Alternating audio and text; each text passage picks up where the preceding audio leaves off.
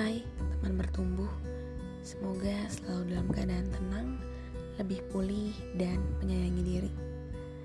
Kenalin aku Viat dari Rencang Bincang yang kadang ngomongin soal self-care, masalah kehidupan, dan obrolan sederhana dari sekitar yang dikemas melalui cerita fiksi maupun obrolan asli yang mana bisa membukakan pikiran kamu bahwa kamu juga berhak tumbuh seperti bunga.